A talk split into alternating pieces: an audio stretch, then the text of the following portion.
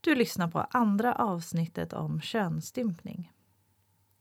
I det här avsnittet berättar Cecilia Berger om vilken hjälp som finns att få för personer som är könsstympade och vad som är viktigt att tänka på i bemötandet av patienter. Lyssna på avsnitt 38 för att höra första delen som handlar om vad könsstympning är och vilka konsekvenser ingreppet ger. Och jag har det här paret på besök. Hennes make var otroligt klok och vettig. Ehm, och han sa vi har jättesvårt att genomföra samlag. Det är jättebesvärligt för min fru och vi, eh, vi undviker det i stor mån av den anledningen. Hon hade också andra besvär när hon kissade med mera. När jag undersökte henne sen så hade hon alltså hudbrygga som täck, täckte nästan hela vulva. Alltså hon hade yttre blygdläpparna i halva övre delen av vulva var ihopsydda. Men också innanför det så hade hon inre blygdläppar som var sydda och lämnade en jätteliten öppning längst ner. Sex på arbetstid. Sex på arbetstid. Sex på arbetstid. En podd om SRHR för dig som jobbar inom vården.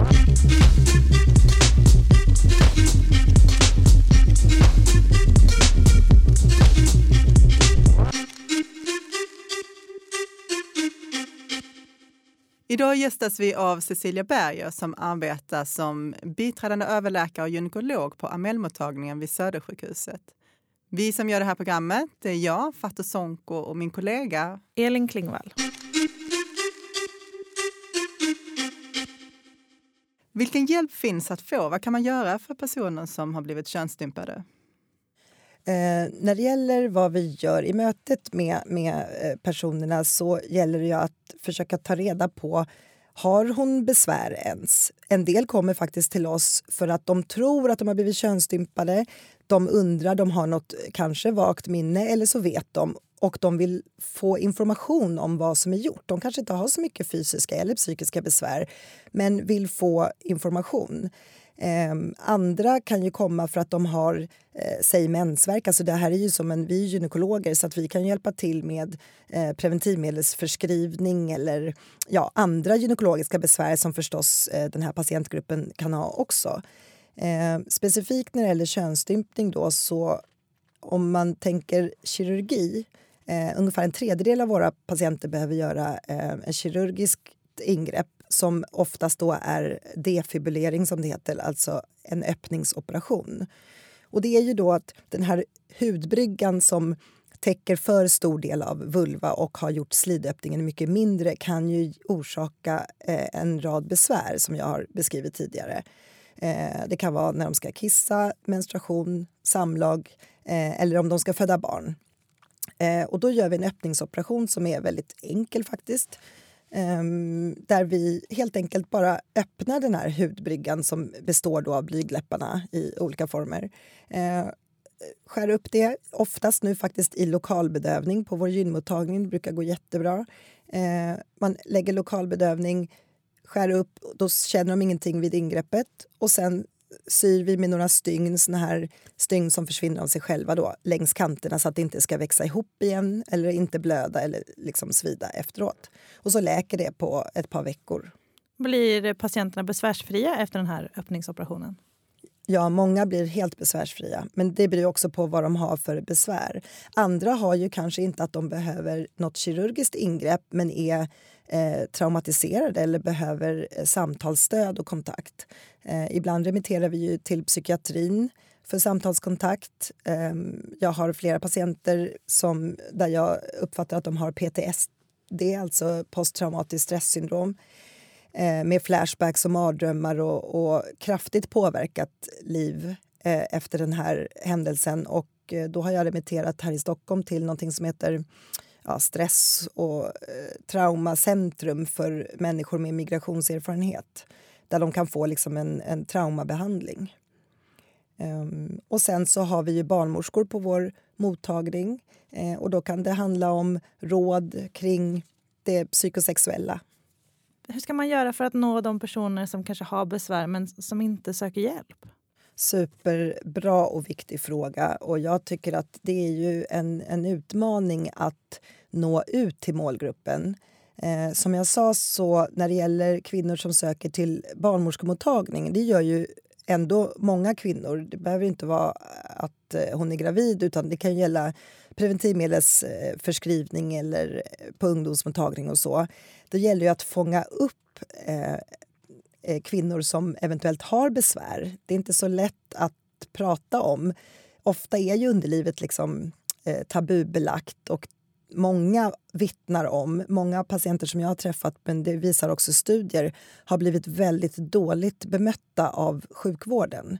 Eh, det kan vara gynekologer, det kan vara barnmorskor eller andra som har blivit alldeles förfärade då när de ser eh, personens underliv och säger men hjälp, vad har de gjort med det? Eller blir Eh, bedrövade och, eller sorgsna eller förskräckta. Och det hjälper ju inte någon kvinna som söker med besvär. En del säger att ja, jag bestämde mig för att aldrig mer eh, visa mitt underliv efter den reaktionen jag fick. Och det kan ju också göra att vissa kvinnor drar sig för att går inte till exempel när de får kallelse till cellprovstagning och sådär. Ehm, så att det är ju verkligen viktigt att fånga ehm, kvinnor. Så med det sagt så, eh, barn, de som passerar barnmorskemottagning så efter eh, mycket utbildning och information kring könsstympning så tycker jag att, att många ändå får den här frågan och kan hänvisas vidare till oss till exempel. Men naturligtvis finns det ett, ett mörkertal. Säkert lider många kvinnor, har besvär som de kanske har haft hela livet och inte vet att det finns hjälp att få. Jag tror vi missar till exempel kvinnor som är lite äldre som eh, inte är i fertil barnafödande ålder. Eh, man kan ju också eh, missa yngre personer.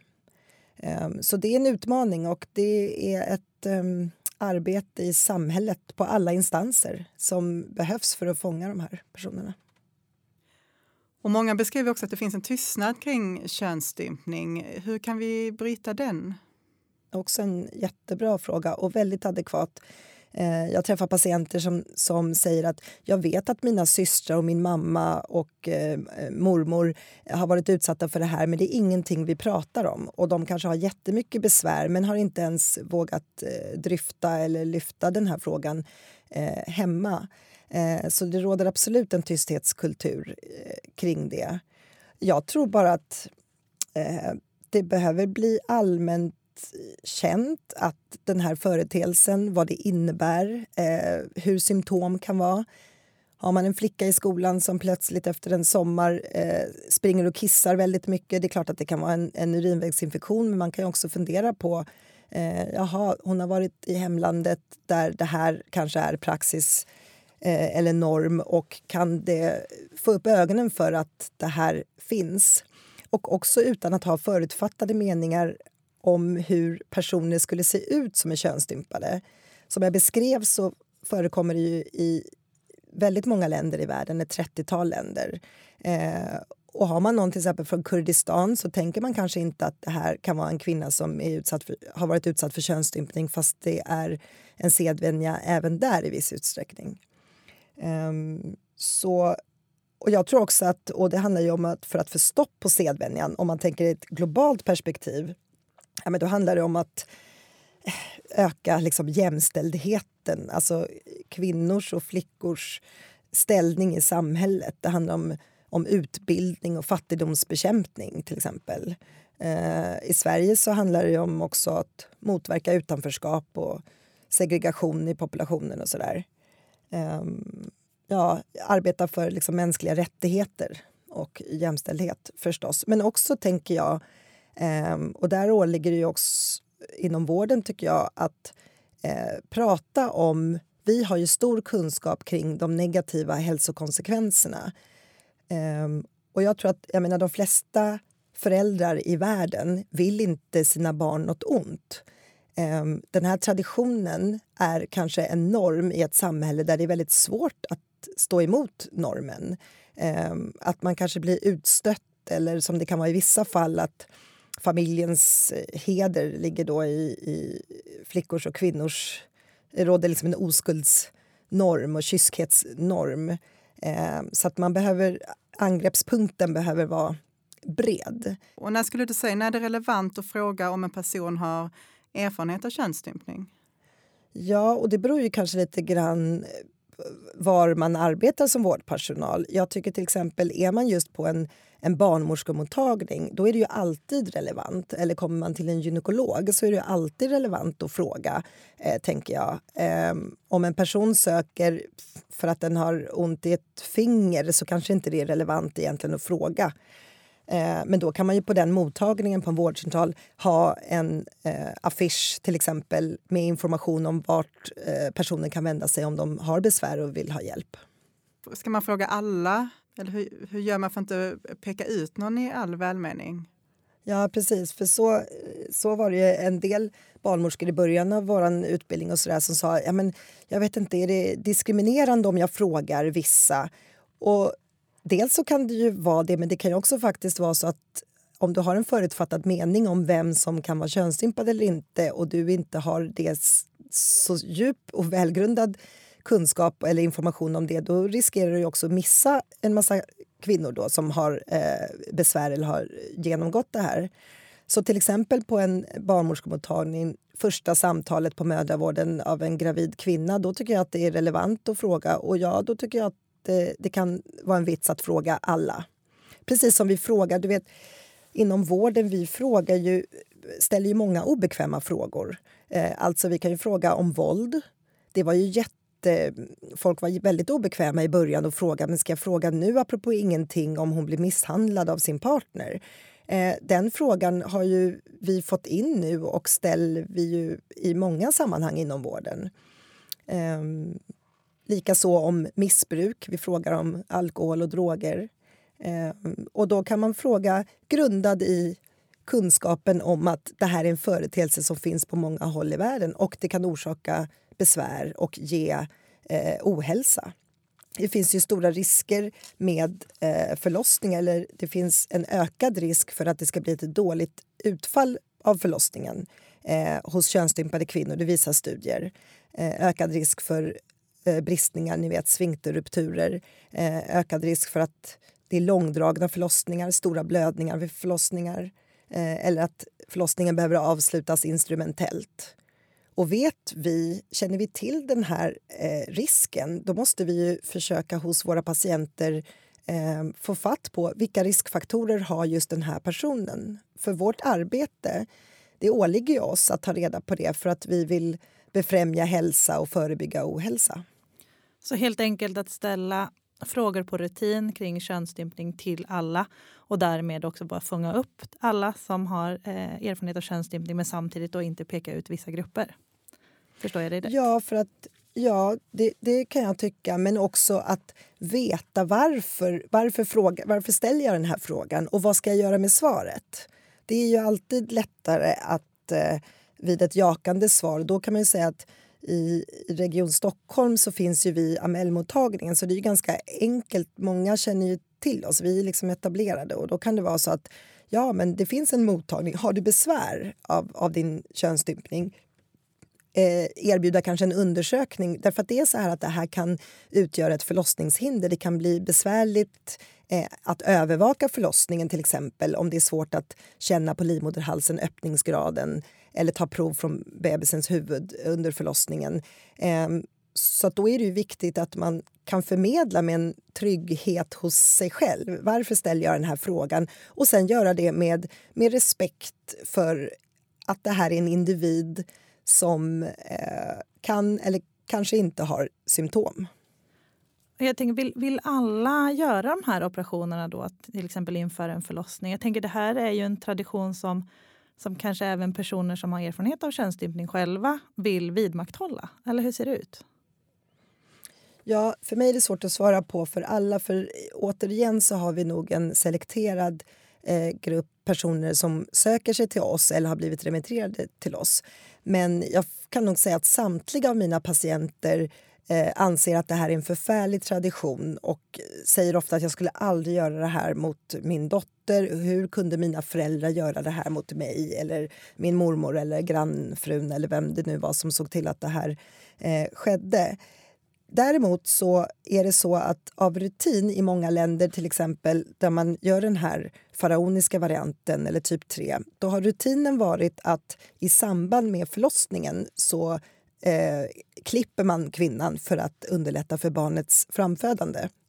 Men ofta har jag sett, eh, och framförallt kvinnor som söker sen och har jättemycket besvär, så har man klippt ni vet, ner i bäckenbotten, i, i muskulaturen, ner liksom mot ändtarmen.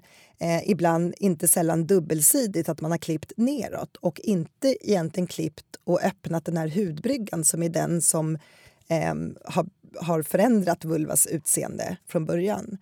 Eh, en del traditioner i Sudan till exempel så syr man ofta igen kvinnor också efter att de har fött barn. Ehm, men så att det kan finnas en föreställning om att nej men jag har hört att det bästa är att vi klipper upp när bebisen ska födas. Um, och då brukar vi eh, förklara eller säga vår syn på att um, om vi gör det i lugnt skede, till exempel under mitten av graviditeten under kontrollerade former och bedövning. Vi öppnar eh, och sen så syr man som sagt kanterna. Det här hinner läka plats, det är dags för förlossning. Eh, under förlossningen så kan då barnmorskan som ska assistera eh, kvinnan när hon föder kan fokusera på det som hon gör i vanliga fall också, det vill säga hålla ett bra perinealskydd för att skydda bäckenbotten, eh, ja, stötta mamman i krystning och övervaka barnet. Eh, det är inte alla som är så vana vid att göra en sån här öppningsoperation och eh, det kan bli mycket fokus och lite sådär Oj, ska jag lägga bedövning? Hur ska jag klippa? Hur högt ska jag klippa? Och när precis ska jag klippa? Och så vidare. Um, så vi känner att med tanke på att det också visar sig att kvinnor som har varit utsatta för könsstympning i större grad får eh, såna här allvarliga eh, bristningar i samband med förlossning eh, så rekommenderar vi att en öppningsoperation görs eh, innan förlossningen. Du nämnde innan att det var eh, viktigt att vi som yrkesverksamma ställer frågan. Hur kan vi fråga? Vilka ord ska vi använda och är det någon ord som vi ska undvika? När vi pratar om kvinnlig könsstympning som ord som också eh, motsvaras av eh, WHOs definition Female Genital Mutilation, FGM, eh, då WHO anser att vi ska använda just det ordet och inte omskärelse eller female circumcision. Um, och det är för att liksom tydliggöra allvaret med det här ingreppet och också särskilja det från manlig omskärelse. Uh, men, och jag kan säga att i professionella sammanhang då pratar vi om könsstympning. Vi skriver i journalen och så vidare och vi kommunicerar det på till exempel föreläsningar och så. Uh, men i mötet med personen, med kvinnan, då är det så att vi faktiskt ofta börjar med att använda ordet omskärelse. Och det är för att det kanske är ett mer känt ord. Eh, det kan också vara så att en kvinna inte alls, det är ett ganska grovt ord att säga könsstympad. Eh, en kvinna kanske inte alls identifierar sig med att vara stympad, känner sig inte stympad. Eh, så vi brukar nog börja säga använda ordet omskärelse eller när du blev omskuren eller sådär. Sen är det naturligtvis viktigt att använda det begreppet som kvinnan själv använder. Och en del kommer ju och säger att ja, jag har blivit könsstympad. Eh, och då använder vi det ordet.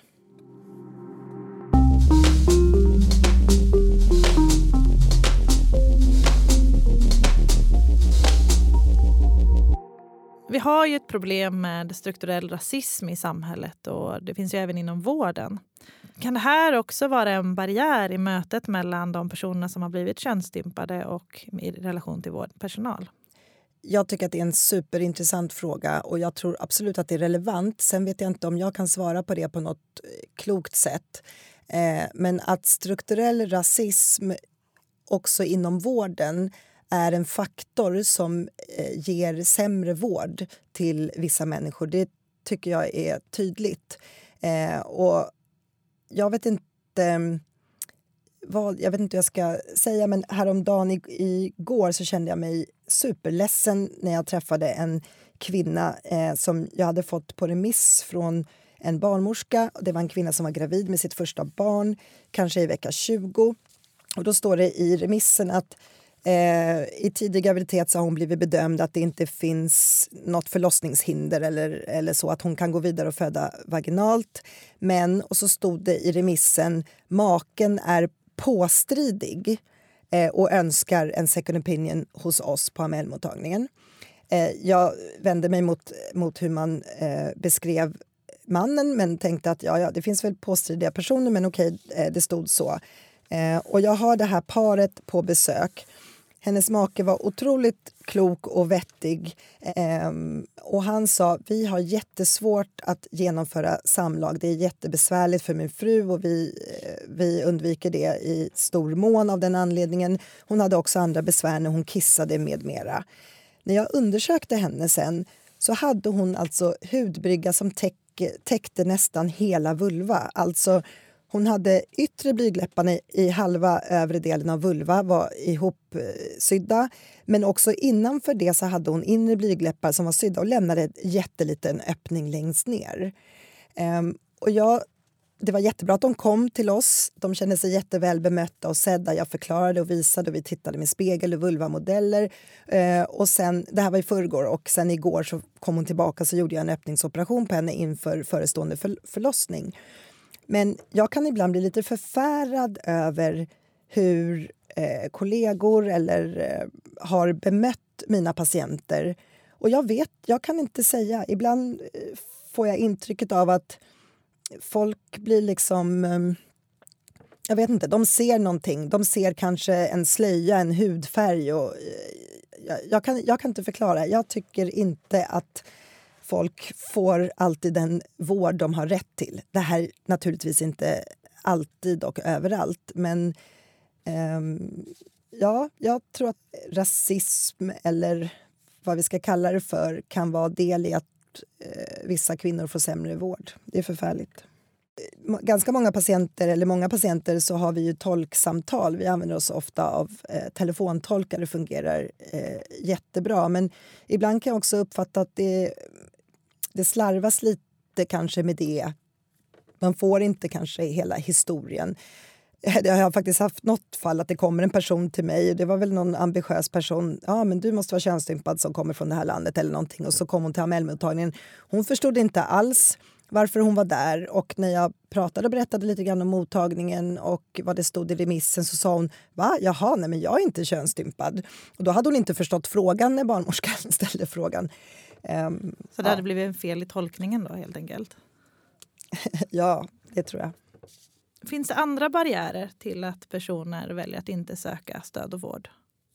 Jag tror, jo, då, det finns helt säkert. Eh, det kan ju finnas en språkbarriär. Det kan ju finnas en okunskap om svenskt liksom, sjukvårdssystem. Eh, man kanske inte är medveten om sina rättigheter. Eh, jag tror också att en barriär kan vara eh, att det handlar om underlivet. Ehm, det kan vara nog så eh, skamfyllt eh, för någon som inte har blivit könsstympad och kanske är född eller i Sverige eller etnisk svensk ehm, att, att prata om besvär som är relaterade till underlivet. Och har man då besvär som har uppkommit efter könsstympning så tror jag att eh, många kanske inte måste inte grunda sig i tidigare erfarenheter men eh, kanske inte tror att eh, personen de kommer möta kommer ha förståelse, känner till traditionen eh, och det kan ju bli väldigt obekvämt för eh, som patient då. Ehm, så, så jag tänker att det finns eh, flera barriärer. Eh, det är också information om att vi finns. Alltså, det här är inte heller en patientgrupp. Det är därför jag också eh, brinner för att hjälpa eh, eh, de här individerna. Men det är liksom inte en patientgrupp som hörs i debatten, om ni förstår vad jag menar. Eh, det är inte många som ehm, eh, kräver vård eh, eller gör så stort väsen av sig. Utan det är lite besvär som de har i skymundan. Men också att kanske inte vetskapen om att det finns hjälp att få. En del tänker ju inte att de har besvär för att, som jag sa tidigare till exempel, de kanske har kissat på ett visst sätt hela livet och har ingenting att jämföra med. Um, så det kan vara svårt att fråga, har du problem när du kissar? Och så skulle jag säga objektivt att ja, men hon sitter ju väldigt länge på toaletten för att tömma blåsan men det kanske är någonting som hon inte förknippar med att det har samband med könsstympningen. Om ni förstår vad jag menar. Ja, och den här tystnadskulturen då som finns kring könsstympning kanske då gör att man inte ja. pratar om hur andra har det och förstår Precis. att det här så här kanske Mm. inte är för andra. Eller så kanske det är Mm. så för ens syster till exempel också. Jag tycker, jobbar, ni med, jobbar ni med närstående också? Möter ni närstående par till exempel eller föräldrar, syskon? Ja, eh, alltså det är ganska många par som kommer eh, till oss. Nu har det varit covid så då får man inte ha någon med sig. Jag gör undantag Eh, ganska ofta, senast eh, igår eh, med flera som hade sin, sin partner med sig. Då. Eh, så vi möter ju ofta partners, eh, får jag säga, och eh, ibland föräldrar. Och vad kan det innebära? Är det någon form av rådgivningssamtal? eller hur, hur, hur, hur hjälper ni? Hur pratar ni också med närstående? Nej, men det är egentligen samma information. Så har jag ett par där eh, så brukar det lika så. Partnern är lika intresserad när jag visar på vulvamodeller, eh, visar på en plansch eh, hur eh, normal anatomi ser ut eh, vanliga typer av könsstympning eh, när det gäller vilken typ hon har varit utsatt för eh, och visar och förklarar. Likaså när det gäller eh, det sexuella eh, så kan jag också prata med ett par kring eh, tändningsmönster och liksom lust. Eh, och väldigt ofta de patienter jag har och anhöriga är ju väldigt måna om sin, sin anhöriga eller min patient då och vill att det här ska vara bra. Det här är någonting som kanske ett par lider av. Eh, så, men det är väl precis som med anhöriga eh, med vilken vård som helst, tänker jag egentligen. Men jag tänker då på yrkesverksamma, eh, och vi har varit inne på det här innan, men hur, hur ställer man konkret frågan, vad är det man frågar, hur säger man? Eh, det där är ju en, en smaksak, men säg att du sitter till exempel som barnmorska på en, en mottagning och så kommer det en, en kvinna från ett land där du vet, för då har du eh, lyssnat på vår föreläsning eller så är du påläst eller bara vet eh, vilka delar av världen det här är ett vanligt ingrepp. Och då kan man ju ställa frågan så här, ja jag vet att i ditt hemland så är det vanligt eh, med omskärelse. Eh, vet du om du har varit med om det? Ehm, det behöver inte vara svårare än så. Och eh, ofta så svarar ju kvinnan, känner man sig själv trygg i liksom, varför frågar jag?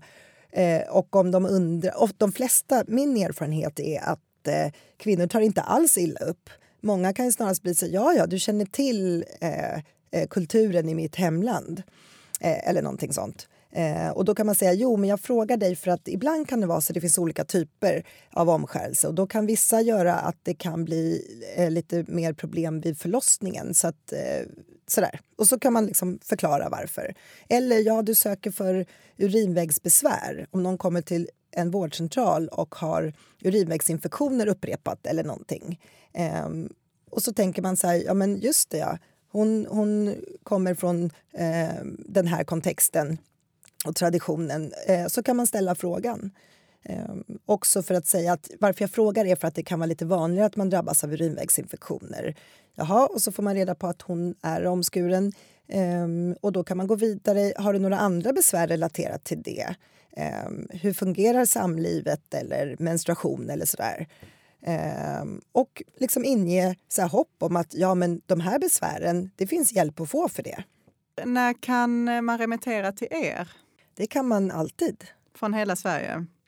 Ja, alltså det där är ju en... eh, Vi har utomlänspatienter också, men apropå jämlik vård, eller snarast ojämlik vård, så är det ju ganska förfärande att det finns en specialistmottagning eh, av den här sorten som vi bedriver på Amellmottagningen i hela Sverige. Ehm, man kan inte utgå från att människor har möjlighet att resa till oss. Ehm, Så det borde definitivt öppna fler specialiserade kliniker. Ehm, Region Skåne har ett uppdrag att de ska öppna någon klinik och i Angered så finns det någonting som heter Vulvamottagningen eh, där ambitionen är också att vända sig till kvinnor med erfarenhet av könsstympning. Men sen har vi ju hela norra Sverige, eller eh, norr om, om Stockholm eh, där man såklart skulle behöva mottagning också. För patienterna finns ju där ute eh, och har besvär. Och då kan man säga så här att eh, jag berättade ju om att vår mottagning har funnits sedan 2003 men i början så var det ju kanske 10-15 patienter på ett helt år. Så det var ju inte någon stor skala. Eh, och sen ökade det successivt och sen eh, i och med den här utbildningsinsatsen som vi gjorde började vi med 2017. Min kollega Bita Eshraghi eh, som, som började med den och också fick, många fick då upp ögonen för eh, problemet men också att vår mottagning fanns att remittera till. Och vi har alltså tredubblat eh, patientantalet eh, efter den här utbildningssatsningen. Så från 2016 till 2019 så har vi ökat eh, jättemycket våra patienter. Och det är inte som att det är nytillkomna eh, eh, kvinnor som har blivit könsstympade nu utan de här kvinnorna har ju funnits fast eh, in, de har inte eh, uppmärksammats inom vården och nu har kanske frågan ställts och sen har man remitterat vidare till oss. Alternativt att kvinnorna själva har hört om oss och, och sökt. Då. Eh, så jag tror att det finns ett stort mörkertal med eh, kvinnor som liksom lider i det tysta. Och, eh, jag skulle önska ha tid och möjlighet för ett mer utåtriktat arbete eh, att försöka nå patientgruppen liksom där de befinner sig eh, och inte att det är avhängigt om man har råkat söka en barnmorskemottagning eller inte. Det är också super, superviktigt förstås att involvera män. Eh, att informera, ge information kring konsekvenserna av könsstympning. Eh, vad som görs och hur det påverkar, kan påverka flickors och kvinnors liv. Eh, och påtala liksom alla negativa hälsokonsekvenser när det gäller ja, bara lidande i det dagliga alternativt eh, vid förlossning till exempel. Eh, och jag tror med, med eh, korrekt information så kommer de allra flesta föräldrarna vilja eh, det bästa för sina barn och skulle då eh, sluta med den här sedvänjan. Jag tänkte på eh, yrkesverksamma eller personalen inom sjukvården. Kan de höra av sig till er för att ställa frågor och få konsultation? Ja, det kan man och det görs hela tiden. Vi är nästan överösta med eh, mejl och eh, folk som ställer frågor. Men vi, vi välkomnar det och eh, vi, vi försöker allt vad vi kan att eh, stötta och hjälpa. Vi önskar också att det skulle finnas eh, riktlinjer som var nationella för hur eh, på ett så evidensbaserat eh, sätt eh, som vi vet eller med erfarenhet och beprövad erfarenhet hur vi ska eh, ta hand om den här eh, gruppen av kvinnor. Ehm, så absolut. Och det finns faktiskt eh, ganska mycket. Det är också onödigt att uppfinna hjulet helt och hållet för att det finns ganska mycket eh, eh, utbildningar och information på nätet. Eh, Länsstyrelsen Östergötland eh, gör ett stort arbete. Socialstyrelsen har också någon eh, utbildning om könsstympning. Eh, och det, ungdomsmottagningarna, det här jomo.se tror jag. Eh, det finns mycket information eh, där ute.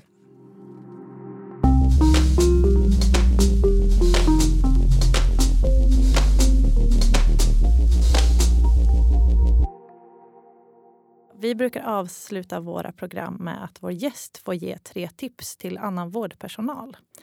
Vilka tips vill du ge?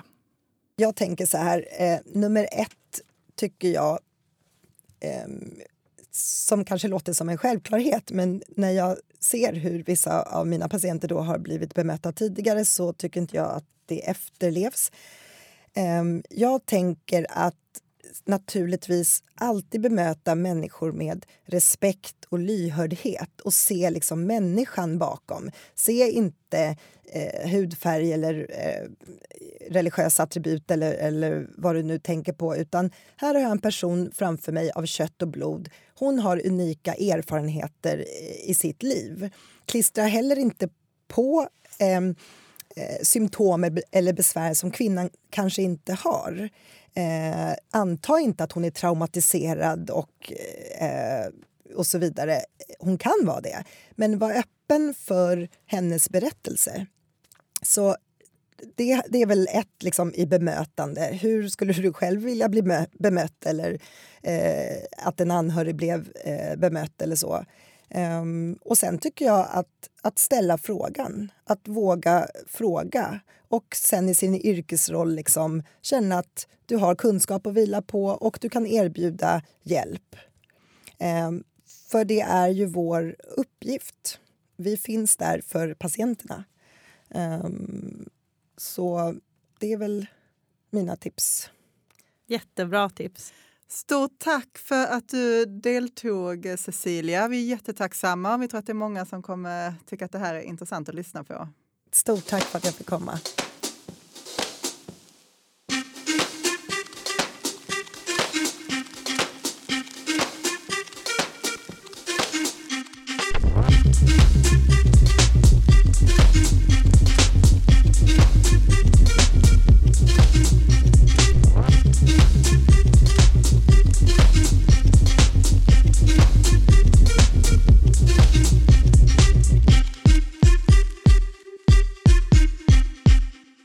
Har hört Sex på arbetstid, en podd som görs av Kunskapscentrum för sexuell hälsa, en del av Västra Götalandsregionen.